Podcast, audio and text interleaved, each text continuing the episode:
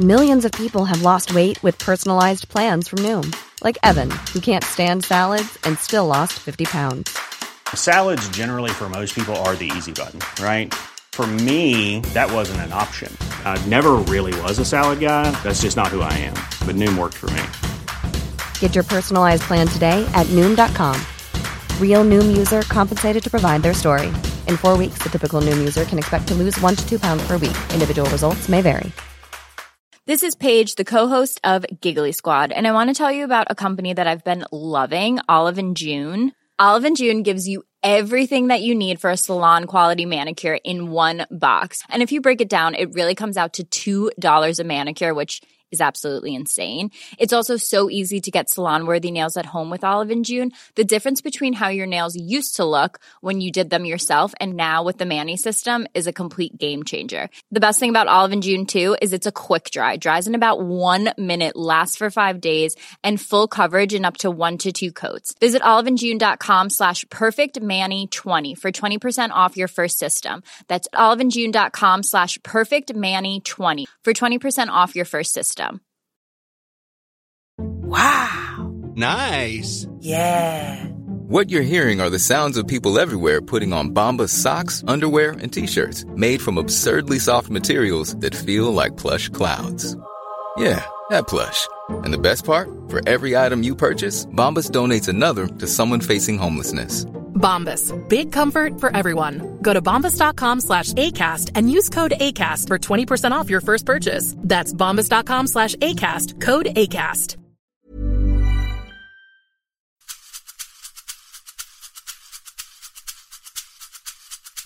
Allt ledarskap handlar om förändring.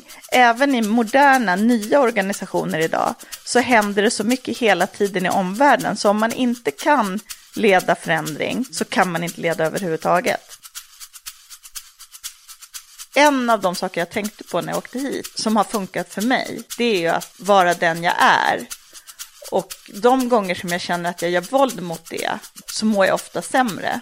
Så att när jag väl lämnade Prime så handlar det om att jag kunde inte se att det var jag, det jag höll på med. Men jag var sjukt framgångsrik.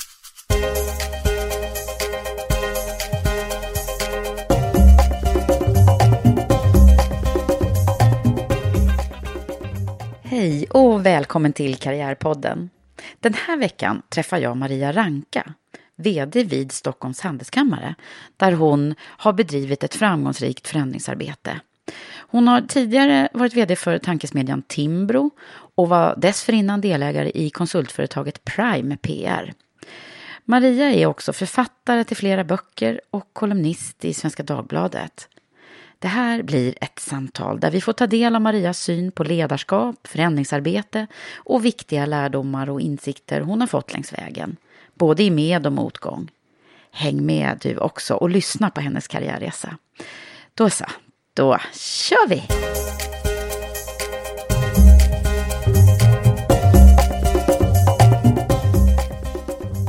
Hej Maria! Hej! Välkommen till Karriärpodden! Tack så mycket. Och du, det är ju så här att du sitter ju här av olika anledningar förstås, men när jag fick tips om dig, det, det är faktiskt live i podden vid två tillfällen som eh, flera av mina gäster då har alltså pratat om dig. Ja, och det kan man ju fundera på om är det bra eller dåligt. ja, i de här sammanhangen tror jag att det var väldigt, eh, väldigt goda ord som du omnämndes. För att det handlade framförallt om att du hade gett dem väldigt eh, bra feedback. Mm, spännande. Ja, mm. nu har inte du själv hört det här uppenbarligen, men, men det var ju dels eh, Eva Schwarz Grimaldi och sen var det också Lisa Gunnarsson. Och de visste inte heller om då att de hade pratat om dig, båda två så att säga. Det är bara jag som fattar och alla som har lyssnat. Men vad kul. Hur kommer det sig då? Det är någonting som man, som man nämner dig om, alltså att du ger rak feedback. Att Eva gör det är jag inte ett dugg förvånad över. Hon älskar att berätta en historia om när jag var ganska ung och hon fick ett tips om att hon skulle kontakta mig. Hon var ganska illa åtgången i media. Eh, och eh, hon behövde komma ut ur det där på något sätt.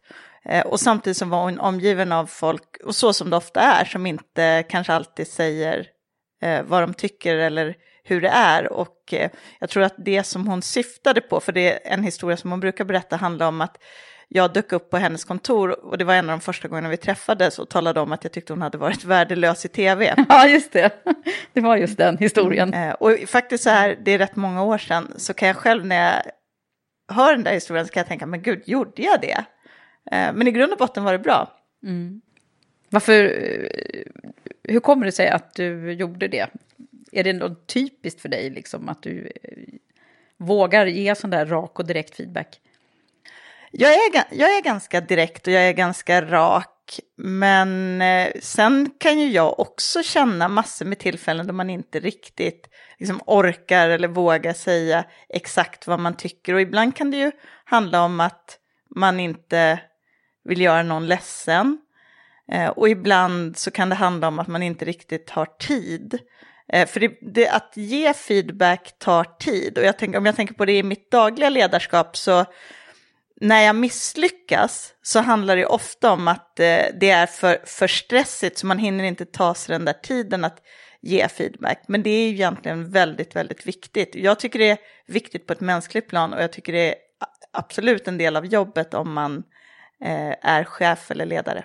Mm, just det. Då, är, då handlar det ju väldigt mycket om att förstås välja sina tillfällen, men, men eh, ändå ge den där direkta. Alltså det båda tror jag sa, det var ju att, att de också eh, tog emot det här på ett väldigt liksom, bra sätt och att, eh, att de eh, tog till sig det väldigt mycket. Mm. Så det var ju Och kul. det, ja, det är jättekul. Men du, nu måste vi prata om dig. Nu, strunt i dem nu. De har ju redan fått sina avsnitt i Karriärpodden. Nu är det Maria Ranka som är i, i strålkastaren här i, i Karriärpodden. Så, så att, hur ska vi börja? Vad, vem är du liksom från allra första början? Jag är uppvuxen i Tierp som är en liten ort mellan Uppsala och Gävle. Där jag bodde under i princip hela min uppväxt eh, tillsammans med min pappa, min mamma och min lilla syster flyttade till Stockholm när jag var tre år. Och eh, ja, jag gick i skolan och eh, gymnasiet och sen så flyttade jag till Uppsala och pluggade en sväng i Paris.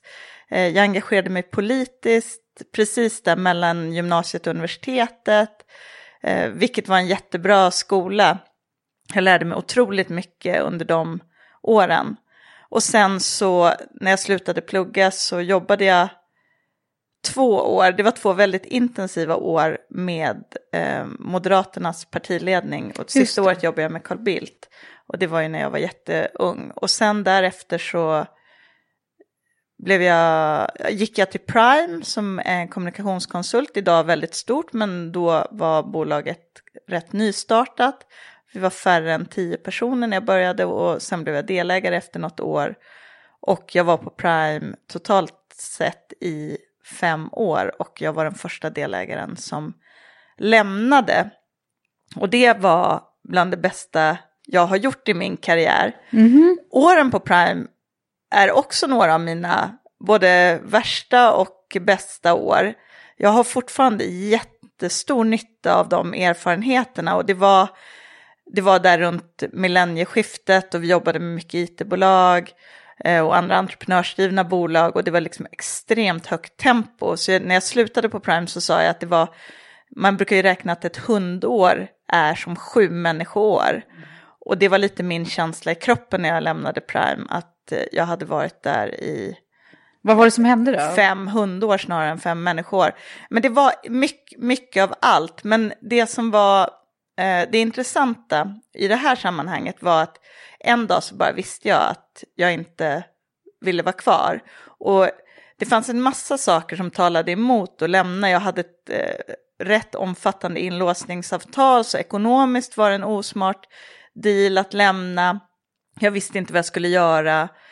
Eh, men jag bara bestämde, jag bara visste en dag, och det var verkligen en, från en sekund till en annan, så visste jag att jag måste gå vidare.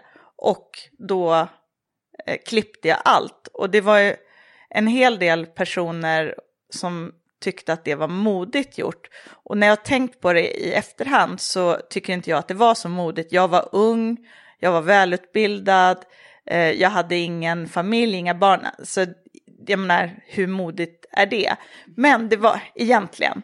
Eh, men det var, en, det var en nyttig erfarenhet, för jag lärde mig massa saker på att jag gjorde det där. Och de har jag, sen när jag har gått vidare, så har jag eh, har jag med mig en del av, av de sakerna som jag på något sätt förstod i och med att jag lämnade på det sättet som jag gjorde, att jag inte visste vad jag skulle göra. Och Nej, sådär. du lämnade liksom utan att ha färdigt bestämt vad som skulle hända. Mm. Men du, eh, om jag får backa bandet lite då. För vi är ju så intresserade av att höra liksom hur, hur blir det att man, hur, hur kommer det sig att man väljer vissa saker här i livet och den här karriärresan? Vad, hur, hur, hur, blir det, hur blev det en politisk karriär? Hade du med dig det från... Eh? Nej, utan det var jag, har- jag har alltid haft ett väldigt starkt inre driv. Eh, och det tror jag egentligen hade kunnat kanalisera sig inom många olika områden. Och sen har det varit kanske mer bananskal egentligen att jag då när jag var, ja, när jag pluggade började ägna mig åt politik eh, och samhällsfrågor. Det hade säkert kunnat vara någonting annat också. Men det är ju, du vet, slumpar, man träffar någon och det ena leder till det andra. Eh, och helt plötsligt så, så, eh, ja, så har det blivit en stor del av min, eh, av min identitet. Och eh, samhällsintresset och den här inre drivkraften, det har jag alltid haft med mig. Jag kan inte säga var det kommer ifrån. Eh, mitt bästa svar, och det är inte särskilt bra, det är att det kommer så som jag, om jag tänker tillbaka, jag har alltid haft det inom mig. Men det, kom, och, men det, är ju, det kommer inte från mina föräldrar eller någonting sånt, utan Det känns ingen, som det ingen kommer po- in. politiskt engagerad familj? nej, så. nej. Hur var det då när du växte upp? För, Om vi, om vi stannar där lite grann i, i Tierp. Vad, vad hände där? Hur var du då? På ett sätt så var jag som jag är idag, att jag har varit samma person hela tiden och på ett annat sätt så har jag ändrat mig rätt mycket. Och det, det som är densamma, den här kärnan, det har ju varit just det som jag nämnde, att jag har haft någon slags motor i mig själv hela tiden. Eh, och jag har haft den här ja, ny, nyfikenheten på, de sto, på stora frågor eh, och på den stora världen. Men, men däremot så var jag, när jag växte upp så var jag mycket mer, mer nervös och jag var liksom rädd för olika saker och, och så. Jag var, jag var duktig och högpresterare har jag också alltid varit, men idag är jag ju extremt mycket coolare. Hur, hur eh, om man tittar, om man liksom har ett en ki- kikare och kollar in i klassrummet liksom, då ser man Maria sitta där och räcka Ja, upp men jag handen, var elevrådstypen. Elevrådstypen, ja. okej. ja. Men är, det här är en ganska liten ort, eller? Det är en liten ort. Det där är också lite kul. Det är många som har varit med här som faktiskt inte är storstadsmänniskor från, från början. Nej, men det är ju, jag åt lunch med en kille idag som driver ett eh, fram, företag i Uppsala och Stockholm och på en del andra håll eh, som är fra, väldigt framgångsrik, som också kommer från, från landet. Och det är ganska många personer som man träffar som det går bra för, som har, kommer från små hålor och har tagit sig därifrån. Det där är rätt lustigt. Jag, jag, har verkligen, jag har kartlagt alla de här snart 70 intervjuerna nu då. Eh, och det är förhållandevis ganska många av de här framgångsrika kvinnorna, det är ju som jag har intervjuat nu då, som är från... eh, Så att jag har någon tes om att det är någon längtan efter någonting annat. Ja, Liksom. men och så igen, det, det har jag, det visste jag, jag höll på så fort, ja, väldigt, väldigt tidigt att jag var på väg någon annanstans. Det här det faktum att, att familjen blev delad där då, eh, vad, hur har det präglat dig då tror du? Men det är klart att det har präglat mig jättemycket. Det är ju en rätt speciell situation att eh, växa upp på det sättet. Sen kan man säga att ja, men jag, har inte, jag har inte vetat något annat sätt, så det är så det har varit. Så om man ska avdramatisera det så, ja, det var så det var. Och, eh, men, men det är klart att det har, det har påverkat mig och ja, kanske gjort mig mer självständig, på gott och ont. Mm, just det, för var det äldre syskon som följde med till Stockholm eller? Nej, min lilla syster. var lilla syster. Så du är stora syrra. Jag är stora syster. Ja, där har vi en, en faktor till som brukar återkomma här i podden. ja, vad spännande. Och dina, dina studier sen då, hur, hur, liksom, hur gick de till när du valde det? Kommer du ihåg det? Ja, Jag valde att inte bli jurist för min pappa är jurist och åklagare och det är ett sånt där yrke eller studieval som det känns som det brukar gå i arv och det är väldigt många som förväntar, precis som läkare, det är väldigt många som förväntar sig att Ja. ja. men ska, då, då ska du också bli, bli, bli jurist. Så därför så på något sätt valde jag bara bort det, att nej det ska jag inte bli. I själva verket när jag har tänkt på det i efterhand så är jag rätt intresserad. Så det kanske hade varit ett bra val. Nu har det gått rätt bra ändå så att eh, jag kanske inte behöver hålla på och problematisera det. Eh, Jag valde, eh, jag läste nationalekonomi och statskunskap, jag har en examen i statskunskap, jag har läst lite företagsekonomi. Sen bara för några år sedan så pluggade jag på Stanford och där har jag läst på business school. Just det, hur var det då? Det var en av de bästa sakerna jag har gjort i mitt liv. Berätta, hur, hur, hur länge var du där? Jag var där en hel sommar eh, och läste deras mest eh, ska man säga, avancerade eh, executive-program. Eh, som är då ett så kallat AMP-program, Advanced Management Program. Som heter Stanford Executive Program. Och eh, jag, eh, inte bara att jag lärde mig saker, jag läste ungefär 25 kurser på den sommaren. Sen vad de gör är att de komprimerar MBA-kurser och man kommer till poängen mycket, mycket snabbare. Ah. Så att man hinner läsa väldigt många kurser på, ja, på en sommar. Eh, men det var en fantastisk möjlighet att eh, liksom, bo på campus med människor från hela världen. Eh, jag fick några, några personer som har blivit liksom, några av mina bästa vänner. Ja, vad häftigt. Ja. När gjorde du det där? Var det alltså mellan... 2013. Okej, så då, var var du då någonstans i... i... Jag var på Handelskammaren. Då var du på Handelskammaren. Just det, för vi ska vandra vidare förstås i din karriärutveckling. För då, då jag avbröt dig lite när du var på, på Prime där. Men vad, vad, vad hände sen då efter det? Ja, vad som hände och som jag tycker är intressant som inte har med min karriär att göra, men det som jag lärde mig när jag, när jag lämnade och då fattade jag några beslut för framtiden som eh, har varit positiva för mig. Om någon annan kan lära sig någonting av det, det vet jag inte. Men jag, jag insåg då att jag hade det här bra jobbet på Prime, jag var delägare och sen så klippte jag eh, och gick vidare. Och då, det här var ganska banala saker, men jag insåg så här, okej, okay, mitt bolag ägde allt ifrån mitt mobiltelefon till min dator. Eh, anledningen att jag kunde säga upp mig på det eh, sättet och faktiskt inte veta vad jag skulle göra var att, och jag hade inga pengar i mig själv, eh, så, utan var ju att jag hade varit delägare och även om jag gjorde en ganska, som affär betraktat, ganska dålig affär eftersom jag gick tid, i förtid, så fick jag ändå loss ett litet kapital som jag hade eh, investerat där. Och det gav ju mig en enorm frihet att jag faktiskt kunde ta ett steg tillbaka, jag kunde tänka efter. Eh, och då, jag har ju skrivit i några omgångar om detta också, eh, vikten av att ha ett, inget fint ord, men alla fattar vad man menar, ett fuck-off-kapital. Och det här kapitalet tror jag egentligen, det skadar inte att ha pengar, det skadar aldrig att ha pengar. Men framför allt handlar det om en mental inställning. Just det, det är ju, det är ju faktiskt många som pratar om de där. Therese Lundstedt har ju varit här och, och pratat om det och Birgitta Olsson nu senast också.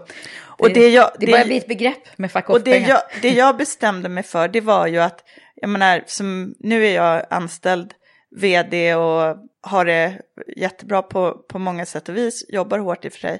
Eh, så bestämde jag mig ändå för att jag vill alltid veta att jag ska kunna vara fri att gå vidare. Jag vill organisera mitt liv på ett sånt sätt att jag kan göra det. Sen ska man ju liksom inte dra det där till sin absurd.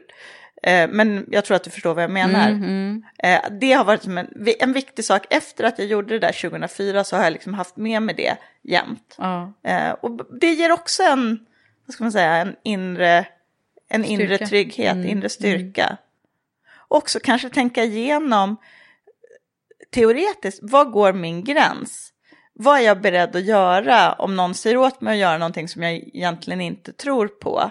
Och det kan ju vara av olika karaktär, det kan ju vara moralisk karaktär, men det kan ju vara en, också, återigen, någonting mer världsligt, men där man ändå tycker, men det där är inte jag, Nej, det där är inte vill inte jag ställa upp på. Och jag tror att det är väldigt nyttigt att ha den typen av gränser klara för sig. Sen ska man vara medveten om att man tack och lov väldigt sällan behöver vara så drastisk. Vad var det som egentligen gjorde att du, att du tog det där steget? Från Prime? Ja.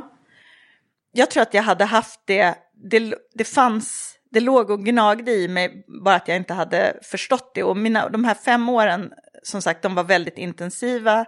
Det var, jag hade personliga upp och nedgångar under de åren. Och jag var ju väldigt ung då, det här var då, ja, jag tror att det var 99 till 2004. Eh, och jag är född 1975, så då kan alla Mm. räkna ut hur Ja. gammal jag var. ja. Eh, och jag gick igenom en, en personlig kris under de åren eh, som både handlade om att jag hade prestationsångest och jobbade mycket, men som också handlade om att ta itu med mycket mer personliga saker som inte hade ett dugg med, med jobbet att göra. Och det var den typen av kris som jag tror att många människor får först när de är när man kanske skiljer sig, när man är mellan 40 och 50 eller ja, mycket senare i livet. Och jag är otroligt tacksam eh, att jag fick den krisen innan jag var 30. Och eh, det var såklart jobbigt då. Men om jag inte hade gått igenom de sakerna så tror jag inte jag hade kunnat göra det som jag har gjort efteråt och också må så bra som jag har gjort eh, efteråt. Nej. Det betyder inte att jag mår bra eh, varenda dag eller att jag inte liksom, är obalanserad eller att inte jag får tänka jättemycket på det här med eh, ja, men när det blir för mycket och sådär. Ja, det, är ju, det, det är en kamp som pågår i en sån som mig varje dag. Men då, de där åren mellan 20 och 30, då var det, då var ju, då var det patologiskt nästan. Mm. Var det att du jobbade, att du inte kände några gränser där för jobbet? Ja, vad? det var gränslöst. Det var ju mycket tankar om prestation och vad som krävdes och sådär. Eh, jag menar, på många sätt så kan jag säga, jag jobbar ju mer idag, men jag har inte de här eh, destruktiva tankarna och alltså klarar jag av det. Men jag kan komma in i det. Jag hade en period här under hösten och det var första gången på länge då jag eh, kände att eh, ja, men det svajade till. Och det var ganska mycket av privata skäl, men allting hänger ihop och också i den här så, ja, när, man, när man jobbar mycket och det finns väldigt, jag ska säga, det finns väldigt lite marginaler för när det svajar till lite grann. Eh, men jag har mycket bättre verktyg idag. Jag skulle säga att det går snabbare utför och det går snabbare uppför. Ja, jag okej. känner, känner av det av det. och så vet jag ungefär vad jag ska göra. Och det där lärde jag mig då. Men var du så att du var liksom inne i den berömda väggen eller var det? Jag vet inte, jag vet inte vad det är. Så att, Nej, men så att du eh, blev men- sjuk liksom och, sjukskriven?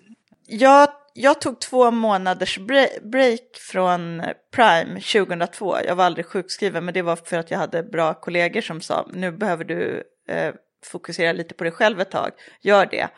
Eh, och det gjorde jag. Och, eh, ja, och 2002 var ett jobbigt år, men det var efter det som det vände. Och när jag lämnade Prime, för att komma tillbaka till frågan, så var det ju, jag tror att en del personer utifrån trodde att det had- hade med det att göra. Medans i själva verket så gick det superbra för mig när jag sa upp mig.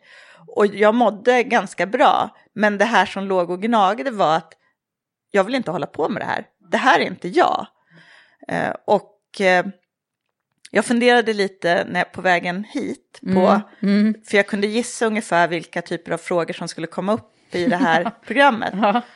lite vad, jag menar det är lite pretentiöst att ge råd till andra, det är väldigt svårt att ge råd till andra, men jag själv har haft stor glädje av att lyssna på andra och prata med andra och ja, ta del av andras erfarenheter och ibland eh, råd. Mm. Och en av de saker jag tänkte på när jag åkte hit, som har funkat för mig, det är ju att vara, vara den jag är. Och de gånger som jag känner att jag gör våld mot det, så börjar jag, så mår jag ofta sämre.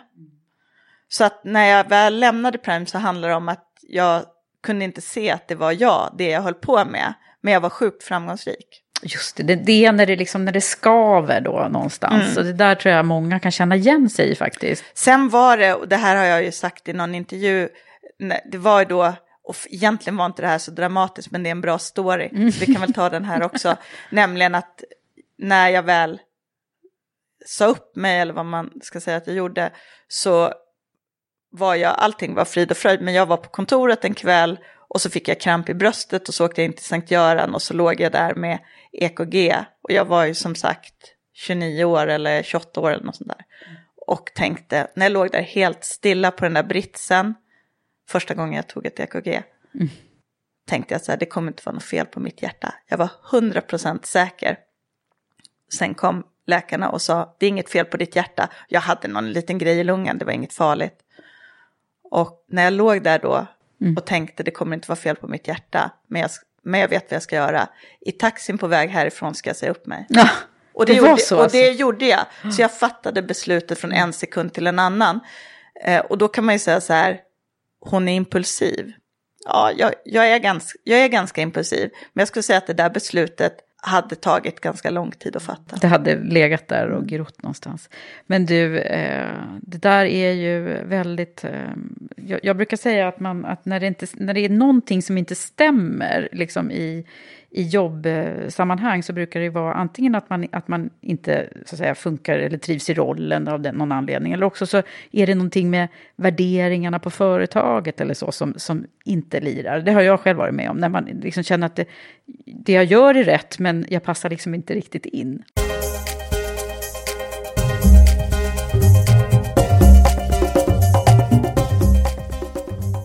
Så vad blev det sen då? Då tog du ett, ja, och då, ett, to- litet då, tog break, jag några, sen- då tog jag några månader ledigt. Det var första gången som jag tog lite ledigt.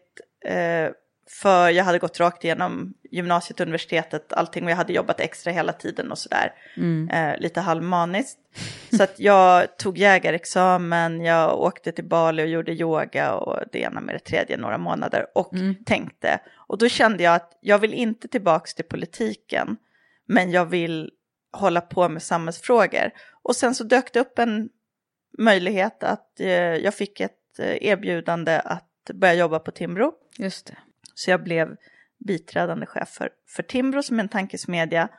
Och sen blev jag vd för Timbro ett och ett halvt år senare. Och så var, det var ju mitt första vd-jobb. Och där var jag i fyra år och gjorde en hyfsat stor förändring. Timbro var också, jag säger också för Handelskammaren är ju en gammal organisation. Jag har haft ett förändringsuppdrag. Mm. Timbro var inte en lika gammal organisation men väl drygt 30 år. Och eh, då. Och eh, ja, jag genomförde förändringar och moderniserade organisationen på, på olika sätt. Eh, och den erfarenheten la grunden för det som jag sen har kunnat göra på Handelskammaren. Som såklart är det mest fantastiska jag har gjort, tycker Ja. jag. Som har varit jättetufft, de första åren var jättetuffa.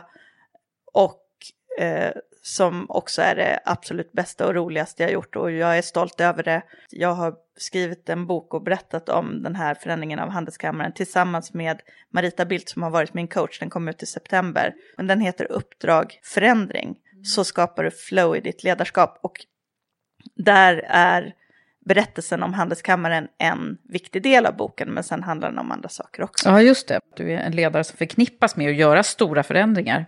Skulle det ha varit så, eh, även om du hade varit på, inte de här organisationerna som hade det här stora behovet av förändring? Jag tror att vi har kommit till en punkt där ordet förändringsledare blir mindre och mindre relevant. Allt ledarskap handlar om förändring. Även i moderna, nya organisationer idag så händer det så mycket hela tiden i omvärlden. Så om man inte kan leda förändring så kan man inte leda överhuvudtaget. Nej, så är det ju. Det går ju så himla fort och ingenting är statiskt. Men vad, vad, vad, vad handlar boken om då? Boken handlar om förändring, hur man kan se på förändring. Det är ingen handbok utan vi delar med oss av lite erfarenheter, både negativa och positiva. Och eh, tankar som, som vi har om förändring. Och en viktig insikt som jag har fått under de här åren på Handelskammaren. När jag började hösten 2010, då såg jag det här som ett projekt. Jag såg det som ett, för, ett förändringsuppdrag.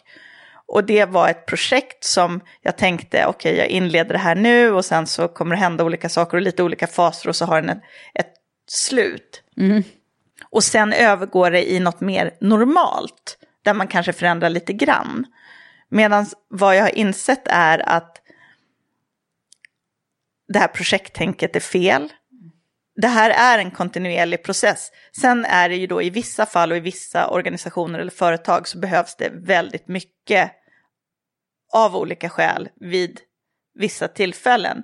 Men det jag jobbar med nu, det är också att inte luta mig tillbaka, för nu har vi gått igenom stora förändringar och mitt mål är ju att vi ska ha en kultur i Handelskammaren där vi orkar och förmår jobba med eh, förändringar kontinuerligt som process. Mm. Mm. Så, att vi inte, så att inte jag nu lutar mig tillbaka och lägger grunden till nästa, Nej, just det. säga haveri, men ja. ja, så att det ska bli för stor effort varje gång. Ja, just det. Ha, och hur gör man det här undrar man genast. Finns det någon universalmetod som du har utvecklat? Nej, det är ju det är alltid olika förutsättningar. Men, men kulturen, att bygga en kultur som stöttar det här, eh, det är A och O. Sen, sen beroende på företag, beroende på organisation, så kan ju kulturen vara olika och behöver vara olika. Men att jobba med kulturen så att den stöttar förändring, det tror jag är det absolut viktigaste. Mm. Sen finns det en massa andra saker också. Vad, vad, Stockholms handelskammare, vad, för de som inte känner till, vad, vad, gör ni egentligen? Bra fråga. Handelskammaren är en organisation för företag här i huvudstadsregionen Stockholm-Uppsala. Vi har eh, drygt 2000 medlemsföretag, i princip alla stora svenska företag eller så kallade svenska företag mm. eh, är medlemmar hos oss. Många internationella bolag med verksamhet här eh, till väldigt små företag och vi täcker alla branscher och så på det sättet speglar vi näringslivet som det ser ut i den här regionen väldigt väl. Mm. Och vi gör tre saker. Vi driver frågor eh, som är viktiga för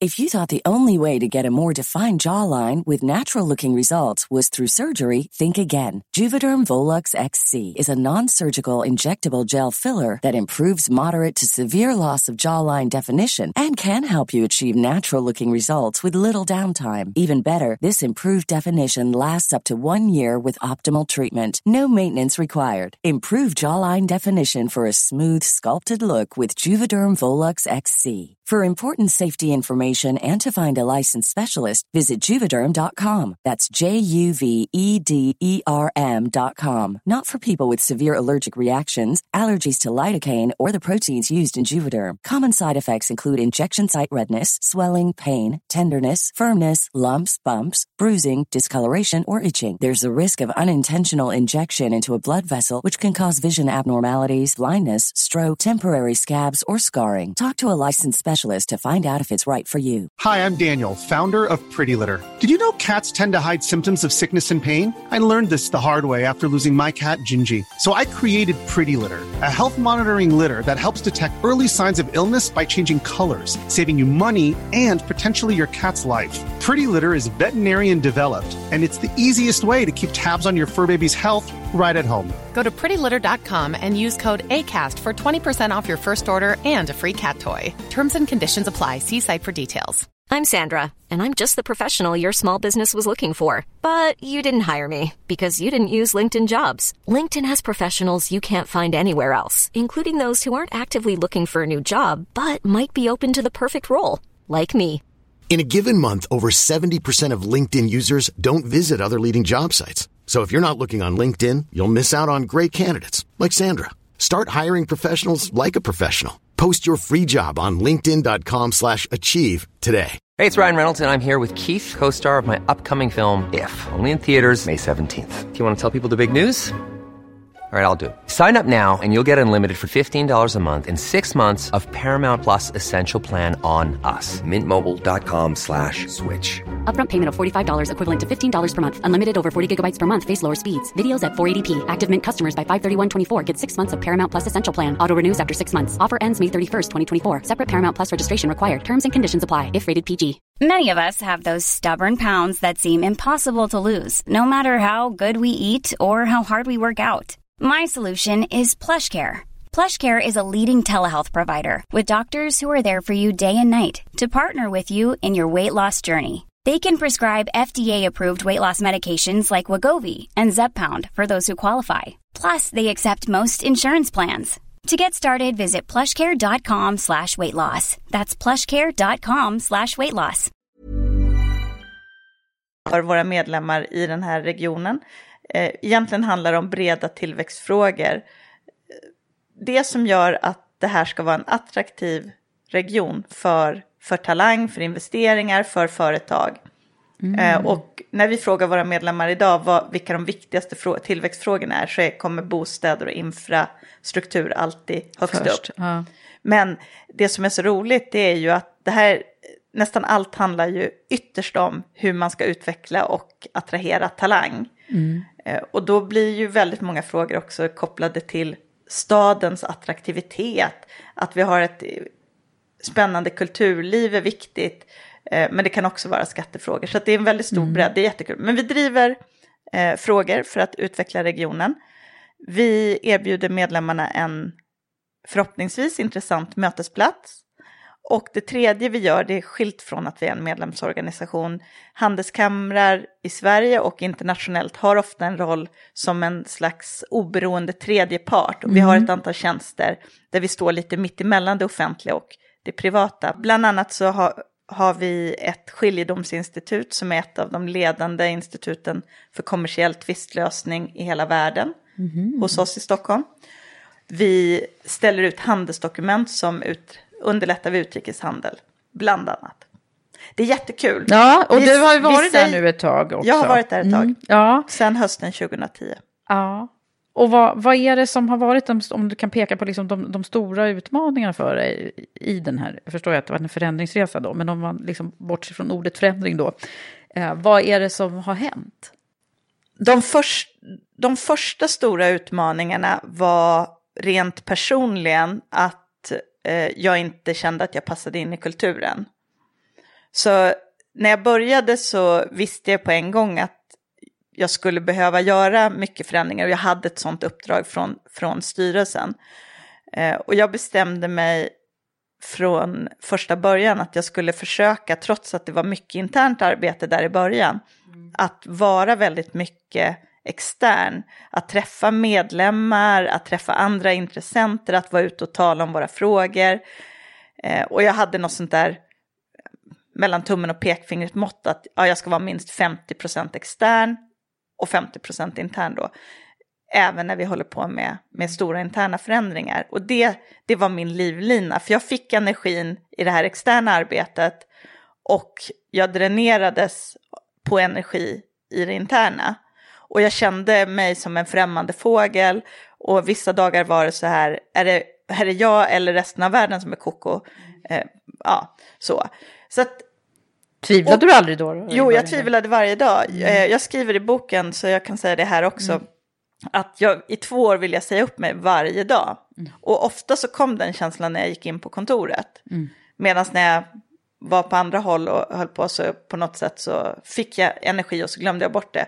Men jag visste ju att jag, jag skulle ju inte säga upp mig, utan jag visste ju att det kommer ett ljus i tunneln, det gäller bara att hålla i här. Och att uthållighet, det har inte varit min starkaste gren. Och jag trodde när jag började att ja, men jag stannar i fyra år. Men den här typen av förändringsprocess då som vi har varit i, den tar tid. Och jag ska säga att jag är så glad att jag hade en klok styrelseordförande, Peje Emilsson, under de första åren. Han var min ordförande de första fyra åren, tror jag det var, eller knappt fyra åren. Eh, som jag talade mycket med och som övertygade mig om att jag skulle stanna längre än de där fyra åren som jag hade tänkt från början. Jaha, du hade tänkt att det skulle Ja, ja vara jag, det hade, jag hade tänkt så här, efter, jag går på dagen efter fyra år, för att då har jag varit här tillräckligt länge för att jag har, ska kunna visa upp resultat. Eh, och att det kanske sätter sig ändå, så att det inte rasar ihop när man lämnar. Eh, men jag, det är ju de åren därefter, nu har jag varit i över sex år, som jag verkligen har kunnat göra nytta. Och jag tror att det har varit bra för organisationen, men det har varit bra för mig som person också. Och pratar vi resultat så har det varit helt fantastiskt att jag faktiskt var beredd att stanna lite längre. Sen betyder ju inte det att man ska stanna för alltid, för att det är klart att alla passerar senigt någon gång och det måste man ju vara medveten om också. Det där, alltså, du skulle ha kunnat ha varit med i vårt temaavsnitt som vi hade för ett tag sedan som hette Should I stay or should I go? För att det, det är många som ju naturligtvis hamnar i, i den här, alltså när man inte riktigt, precis som det var tidigare då på Prime, där du valde att gå. Men nu har du då valt att stanna. Mm. Vad är, vad är liksom Ja, och det- till att du gjorde det nu då? För att jag inser att jag är eh, på rätt plats.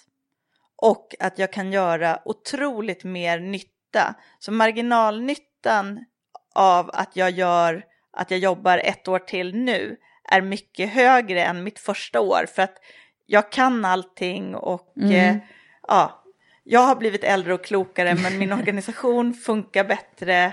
Mm. Nätverken är starkare. Jag har förmågan nu att lyfta det till en ny nivå. Mm.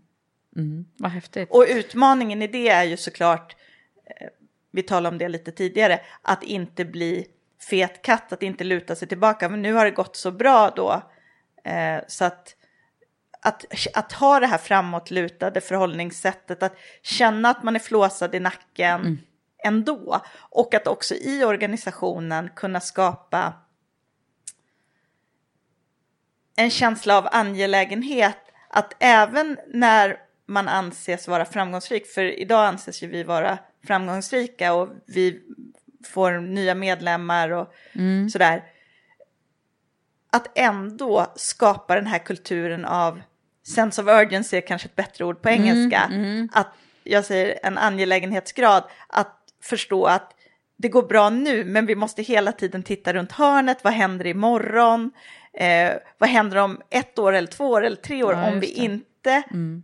är i ständig utveckling? Har du fått med dig människorna allihopa att tänka så här nu då? Efter de här åren? Det är en väldigt, väldigt stor skillnad i kulturen. Sen kan inte jag säga att 100% tänker så här, men idag så finns det på ett helt annat sätt i kulturen att vi jobbar så här. Och det har ju det som också gör det så kul att, jag menar, när jag, var, jag hade en jättebra semester i somras. Och så skulle jag komma tillbaka till jobbet och kände jag bara, men gud, jag älskar mina medarbetare, jag älskar att komma till kontoret. Mm, vad roligt. Mot Så nu har det liksom när man, jag menar, de där första åren när jag i princip ville skjuta mig själv, eller Mm. åtminstone säga upp mig. Mm. Aha, vad härligt. Men du, då måste ju det bero också väldigt mycket på ditt ledarskap. Vad, vad är det som är, eh, om om vi skulle eh, prata om, om ledarskapsområdet, vad, vad brinner du för när, vad gäller ledarskap? Jag gillar att få ihop det stora och det lilla.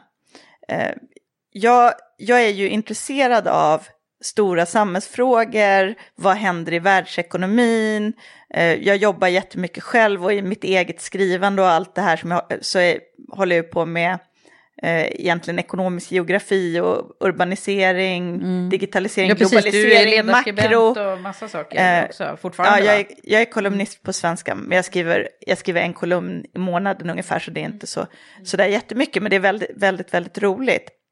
Eh, så att då tänker jag ju rätt mycket på vad, vad händer i världen och vad betyder det för, tratta ner det, vad betyder det för, för Sverige, för Stockholmsregionen, hur ska vi kunna vara konkurrenskraftiga, vad betyder det för Handelskammarens medlemmar?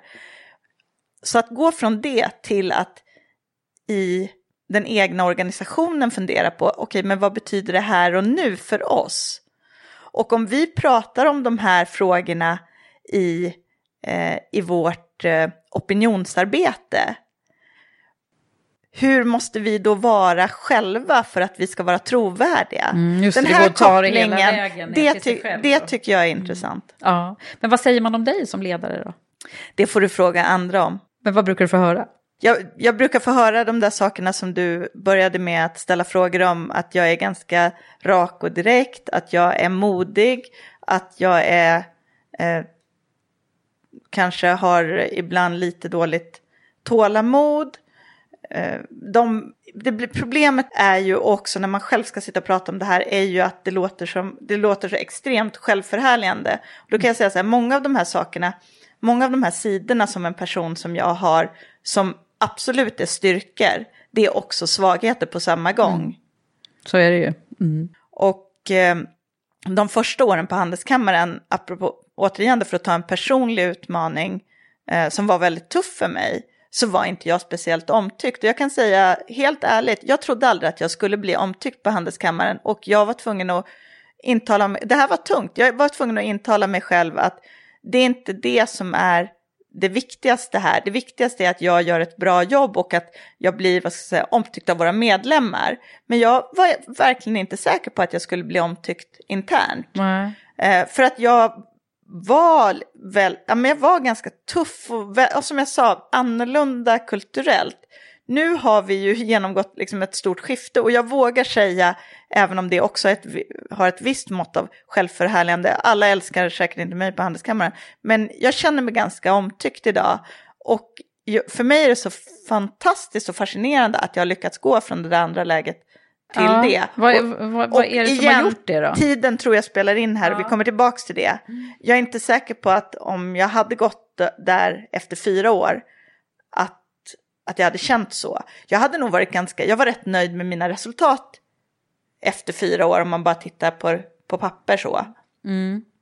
Men just att den här kulturförändringen har tagit så mycket längre tid. Hur hanterar du det själv då? Alltså om, om, om det är så att du då från början gick in i det här, att det inte är säkert att du kommer bli omtyckt eh, i det långa loppet. Hur, hur hanterar du det? Är, är det liksom...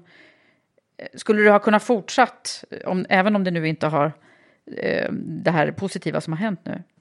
Nej, jag tror inte att jag hade, om jag, hade, om jag inte hade känt att det var på rätt väg eh, också i de dimensionerna, då hade jag inte haft den här glädjen i jobbet som jag har idag. Nej, just det. Så att det, det hänger lite ihop Det är, där klart, också. det är klart att det hänger Ja.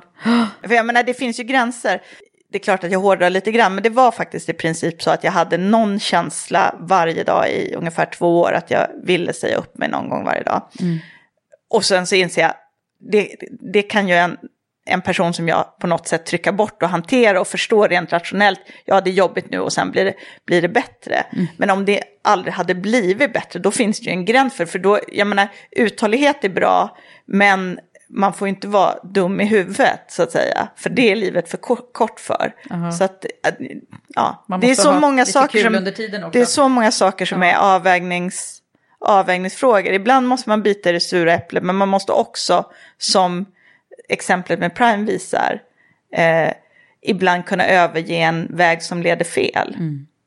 Och det är väl också en sak som kännetecknar mig som person. Jag har inte varit rädd för att gå vidare. Jag har skilt mig till exempel. Det, det är jobbigt. Uppbrott är jobbigt oavsett om det är från ett företag som man, jag höll på att säga, är gift med eller om det är från Ja. en partner. Det är jobbigt, men när, för i mitt fall är det så, och det här, jag vet inte hur, hur det är för andra människor, men när jag vet så vet jag och då agerar jag på det.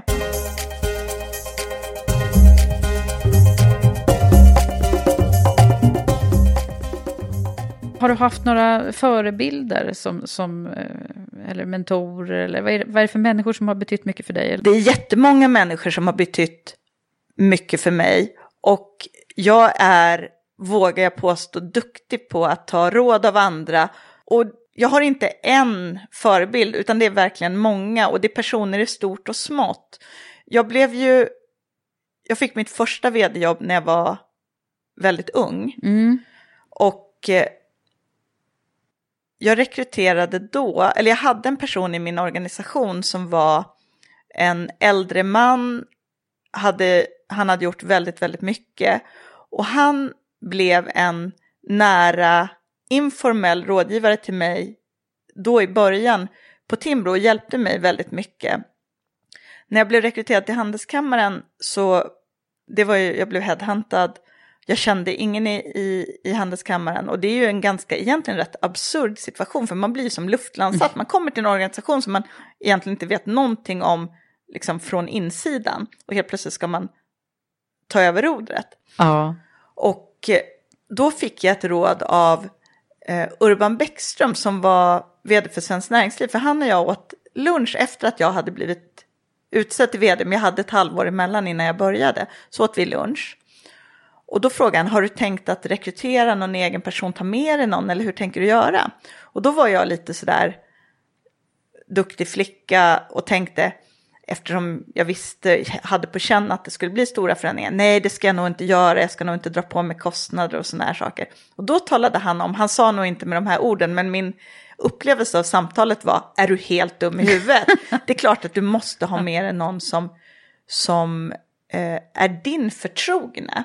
Mm. Och då gick jag till den här mannen som egentligen hade pensionerat sig. Och vi kom överens om att han skulle göra ett konsultuppdrag i sex månader, varken mer eller mindre. Han var inte intresserad av, av ett dugg mer än det. Så han var min sidekick från dag ett. Och det som var så väldigt bra med det, dels så var det ju eh, rätt bra att jag som ung tjej hade med mig en 65 plus äldre man med en massa erfarenheter. Men han kunde säga, han vågade säga till mig, nu har du fel. Ingen annan där i början Vågade? Så, vågade ju säga någonting till mig. Eh, och det är ju helt förödande. Så att bara att Gud, vilken ha, ha en sån person var ju fantastiskt. Och sen ibland kunde han också bekräfta mig när det behövdes, apropå det här, är det jag eller resten av världen som är koko? Ibland kunde ju han faktiskt säga, "Äh, men Maria, det är, det är inte dig det är fel på. Nej. Eh, Så det var både och. Ibland kunde han vara tuff och liksom trycka till och säga "Men nu får du ge dig. Vilket ingen annan, det tog, det tog, jag skulle säga att det faktiskt tog, tyvärr, och det, jag tror jag skulle vara bättre på det här idag med de erfarenheter jag har. Men det tog ganska lång tid innan jag hade eh, byggt upp ett så förtroendefull stämning bland mina nära medarbetare i Handelskammaren att de också kunde leverera liksom lite sura saker till mig. Ja, för de, är det så? De, var de, hade de väldigt mycket respekt för dig i Mm, början? I början var det så. Ja. Är det så med dig överlag? Att man får det? Det här är ju så svårt att se själv, för jag kan inte riktigt fatta att det är så, men jag har ju hört det tillräckligt många gånger för att Okej. tro att det, ja, det måste ju ligga någonting i det, men själv har jag väldigt svårt att förstå vad det är, varför det är så. Det, det sker omedvetet från, från din sida. Men det, det är kanske lite eh, sådana ledardrag som du, som du har med dig från början då, eller? Kanske. Var, var det så att du var, tillbaka till barndomen där, var, var, var du sedd som eh, liksom ledarprofilen? Nej, men det var det som jag egentligen menade att när jag sa att jag var är både samma person som jag var när jag växte upp och väldigt annorlunda. För att jag var för, jag var för skör och nervös på ett plan då. Så det är på något sätt när jag har liksom skakat av med det och också gjort mig av med lite ångest som jag tror att jag har utvecklat som, som ledare. Mm. Det är ju himla bra det där. Jag brukar ju prata om de här toppar och dalarna liksom i livet som också ger oss så mycket lärdomar längs vägen. Vad är det för någonting som har varit liksom avgörande för dig? Jag, jag tror att jag kan gissa att Prime-grejen där var en avgörande grej. Men vad finns, det, finns det några fler så här milstolpar i ditt liv? Det finns massor med milstolpar. Och just som du säger, både toppar och dalar. Och nu, jag tror jag har varit inne på flera av dem. Eh, att, jag, ja, att, jag gick igenom, att jag gick igenom en livskris eh, där i 25-årsåldern. Att jag, att jag vågade lämna Prime. Att jag har vågat, egentligen, så om jag ska, istället för att peka ut de enskilda, om jag ska sammanfatta, så har det ofta varit när jag hoppat i kallt vatten. Och det kan ha varit negativt eller positivt. Även att ta, när jag tog jobbet på Handelskammaren så kan jag säga att jag hoppade i kallt vatten. Så det här att jag har vågat hoppa i kallt vatten ett antal gånger, det har varit eh, väldigt utvecklande och eh, jag tycker jag har bidragit till också till ett spännande liv. Ja, just det. Så ett spännande liv. Ja, vad härligt. Okej, men, men om man skulle titta på de stunderna när det har liksom verkligen eh, smärtat, då, vad är det som har varit jobbigast för dig? På vilket plan? Om vi pratar karriär då. Vill du veta en sak som är intressant? Nu när jag tänker tillbaka på de här första åren då på Handelskammaren som faktiskt var rätt jobbiga. Så känner inte jag att de var jobbiga. Det är jätteknäppt. Jag kan liksom inte... Alltså, jag kommer ihåg teoretiskt, och det är bland annat därför också som jag har skrivit om det här i boken, för att jag inte ville glömma bort. Men jag kan inte riktigt ändå minnas att liksom det var smärtsamt. Teoretiskt minns jag, men jag kan inte känna att det var det. Nu har inte jag några barn, men ibland tänker jag det här att kvinnor går igenom den här smärtan när de föder barn. Och jag inbillar mig att man tänker, helvete, det här vill jag aldrig mer vara med om. Och sen så verkar det som att man Man glömmer gör det det, och så gör man det igen. Jag menar, det händer hela tiden. Och på något sätt så är det så att nu känns allting bra och jag vet att det, det är ju färskvara. Det kommer att komma nya utmaningar och nya avgrunder. Men nu är det som, och jag kanske har något hjärnfel, men det är som att jag inte kommer ihåg det längre. Att ja, nej det var väl inte så farligt. Nej, man glömmer lite tiden också. Ja, och det är ju någon slags, vet inte, ändå ganska mycket fokus framåt. Eh, Jag kan älta grejer och de som känner mig skulle, om jag säger nu så här att jag inte ältar, då skulle de säga, nej men vissa saker ältar jag inte alls. Och vissa saker ältar jag. Men just, igen, när jag väl har gått vidare och har, om det är något jag ältat och har slutat älta det, ja då har jag slutat. Då är det så. Mm. Ja. ja. Du, vad är det som får dig att bli sådär riktigt engagerad då? Det kanske du är hela tiden, eller?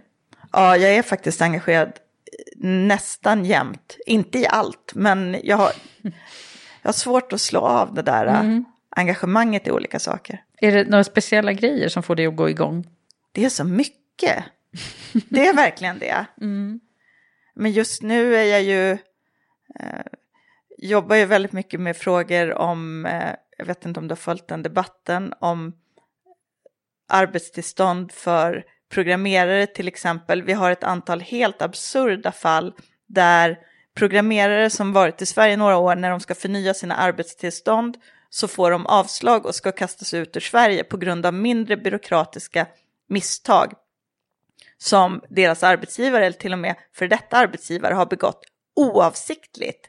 Och det är, alla är överens om att det är oavsiktliga mindre fel och det här är inte personer som på något sätt utnyttjade på arbetsmarknaden. Däremot är det personer som Sverige behöver och bolag här behöver för att kunna fortsätta utvecklas. Nu ska de här kastas ut. Det är ju tragiskt på ett mänskligt plan, men det är också helt sanslöst korkat. Och det här, det här är frågor som vi, en av våra stora frågor just nu som vi arbetar med. Det är klart att det är jag jätteengagerad i. Och ett av de här fallen som har blivit, som har varit väldigt uppmärksammat i, i media, det är en kille som heter Tayyab Shabab, som kom från Pakistan ursprungligen, som är programmerare. Han har dessutom sin mastersutbildning från Sverige, så det är, jag på att säga, ytterligare korkat då att kasta ut honom. Han, när jag första gången läste om hans fall i någon tidningsartikel i slutet på, en fredag i slutet på september, då blev jag så upprörd att vi samma kväll startade kampanjen Backa Tayyab som vi har drivit som har varit en ganska stor, stor sak. Men jag lyckades också säga, vilket några av mina medarbetare har påmint mig om, att jag är beredd att surra fast mig runt svampen på Stureplan om inte det här ändras. Jag har inte gjort det, jag har kanaliserat mitt engagemang på lite mer konstruktivt, konstruktivt sätt än att surra fast mig vid svampen. Men ja, jag är rätt engagerad. Mm. Det verkar så. Men om man skulle, vad vad är det, finns det någonting som du är rädd för? Jag är rädd för jättemycket saker. Jag är rädd för, eh, ja ibland är, är, beroende på vad det är, ibland är jag rädd för att misslyckas, eh, rädd för att eh, inte vara tillräckligt bra, eh, jag är rädd för eh, sjukdom, våld. Nej men jag är rädd för mängder av saker. De människor som jag känner som jag tror förstår mig mest, de ser jag är en kombination av eh, styrka och extrem skörhet och att det är det som är unikt.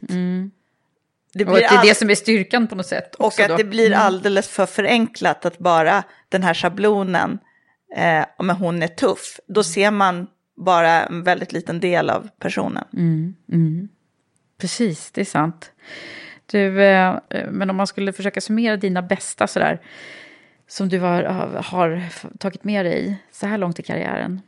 En, en sån här sak som jag brukar säga, och särskilt om jag eh, jag ibland föreläser och så för studenter eller för yngre kvinnor. Då, då ett generellt tips som jag tycker är extra bra till kvinnor och som jag själv då har varit bra på så att jag lever som jag lär. Säg ja. Väldigt mycket om jag tittar på min karriär. Jag är inte strömlinjeformad. Eh, jag har inte gjort, jag har inte haft någon plan. Men däremot när ett bananskal har dykt upp så har jag tillåtit mig själv att halka på det. När någon har ställt en fråga så har jag väldigt ofta vågat säga ja, även om jag har haft en liten del av mig som har varit livrädd och även om det har inneburit att hoppa i kallt vatten. Eh, och det här gäller tycker jag i stort och smått för, för kvinnor att ja, men att säga ja. Sen fattar ju alla att ja, men om man är helt inkompetent på ett område, det är klart att man då liksom måste kunna förstå att, ja, men, om någon frågar om någonting som man faktiskt inte kan, ja, då måste man ju kunna säga nej. Men jag tror ändå, jag tror att lyssnarna är så begåvade att de förstår vad jag menar. Att, att, att våga säga ja och att ta chanser. Mm. En annan sak som inte är ett råd, utan bara ett konstaterande, det är superkul att vara chef. Så om, eh, om du får chansen, testa det. Det är otroligt kul. Det är klart att man kan sitta och prata om att ibland är det jobbigt och alla tycker inte om en och jada, jada, jada. Men eh, i mitt fall är det i alla fall så att jag tycker att jag har en hel del bra idéer. Och om du är på en position där du har lite mer makt än på en annan position, då har du ju mer, förhoppningsvis, så har du större möjlighet att få förverkliga dina idéer. Eh, och det, ja, det ger otroligt mycket tillbaka. Och sen avslutningsvis, jag sa det tidigare men jag tycker det är viktigt, att vara sig själv. Man behöver inte vara så strömlinjeformad för att göra karriär. Jag är inte ett dugg strömlinjeformad och det har gått alldeles utmärkt. Sen vet jag att det finns branscher och bolag och sammanhang eh, där, ja, där det kanske är annorlunda. Men, men man måste också tänka på hela sitt liv, så att vara sig själv, det är viktigt. Mm, det är väldigt klokt.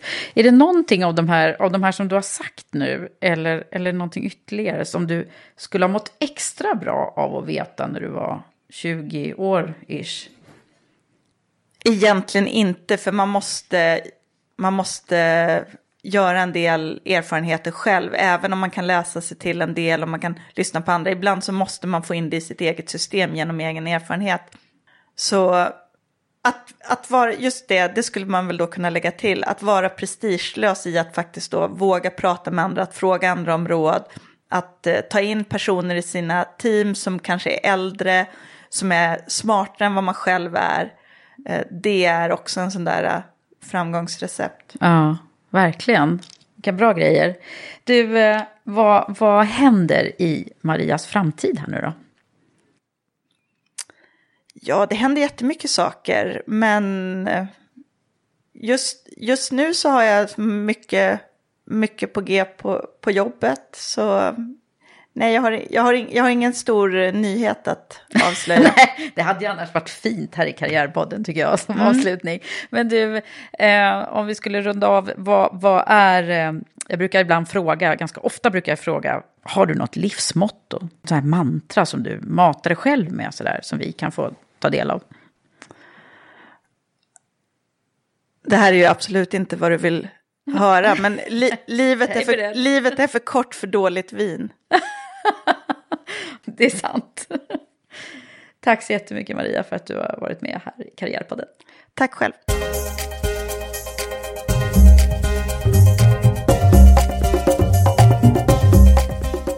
Så här efter vårt samtal så tänker jag vilket starkt samhällsengagemang hon har, Maria, och synen på hur vi ska driva förändringsarbetet i organisationerna. Och det där med att vara sig själv i alla lägen, det är något som jag tar med mig från samtalet med Maria. Tack Maria! Avslutningsvis så vill jag också berätta att vi nu lanserar och öppnar ansökan till Women for Leaders Premium Leadership Program. Ett unikt ledarprogram för kvinnliga toppledartalanger som är designat av kvinnliga ledarprofiler från näringsliv och offentlig verksamhet. Kolla in det och läs mer på womenforleaders.com. Ha det nu så bra så länge så hörs vi snart igen. Hej hej!